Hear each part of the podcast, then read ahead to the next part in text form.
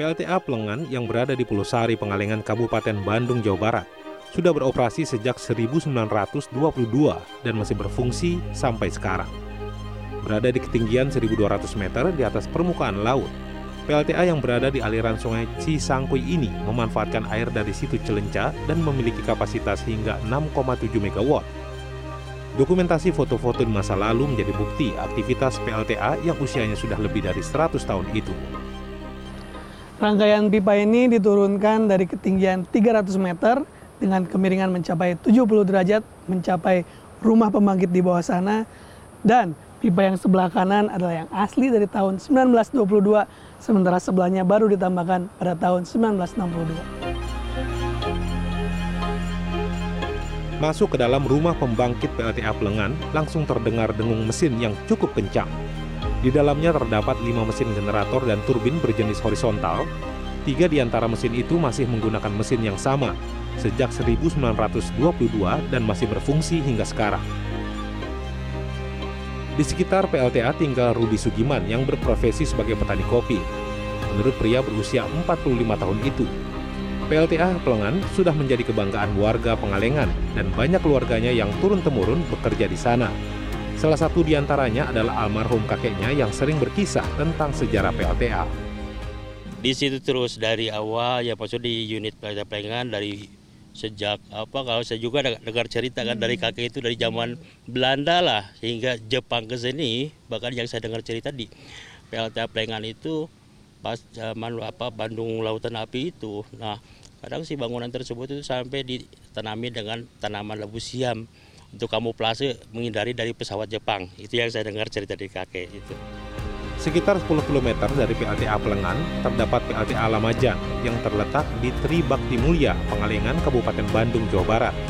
Air yang digunakan sebagai pembangkit di PLTA Lamajan merupakan air pembuangan dari PLTA Pelengan karena masih berada di aliran sungai yang sama, yaitu Sungai Cisangkui.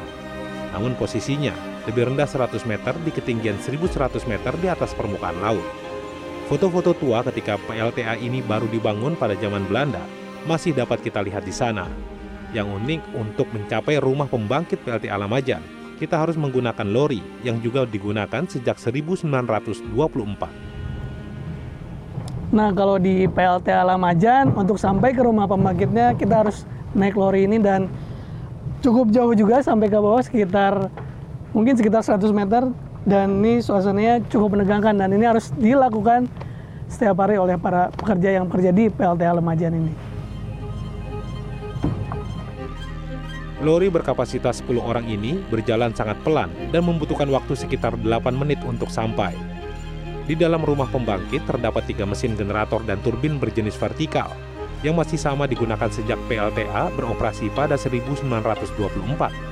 PLTA-PLTA tua ini dikelola oleh PT Indonesia Power Sapuling Pomu dan meski memiliki teknologi yang kuno, namun berhasil direvitalisasi sehingga masih dapat berfungsi memberikan suplai listrik hingga saat ini.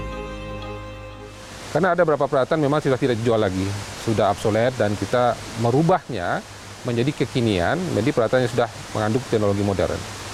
Dan itu sudah bisa dioperasikan secara POPST. POPST itu dioperasikan secara remote dari PLTA Seguling.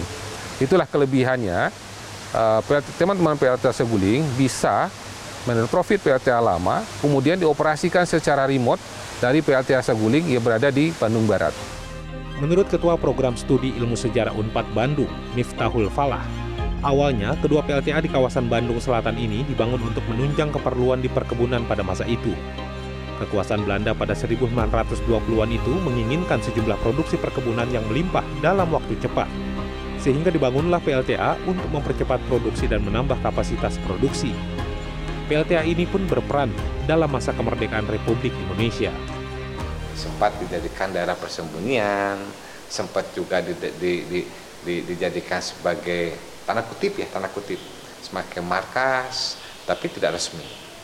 Nah, pada masa kemerdekaan, eh, pada pejuang memang banyak yang singgah di situ, tapi lebih dalam hal menjaga aset ini jangan sampai menjadi sasaran dari mortir-mortir Belanda jangan sampai menjadi sasaran dari bom-bom sekutu. Miftahul menambahkan, pada tahun 1922 hingga 1924, terdapat 5 PLTA yang dibangun di Jawa Barat, yakni satu PLTA di Bogor, satu PLTA di Sukabumi, dan tiga PLTA di Bandung Raya, yaitu PLTA Bengkok di kota Bandung, serta PLTA Plengan dan Lamajan di Kabupaten Bandung. Tim Liputan CNN Indonesia, Jawa Barat.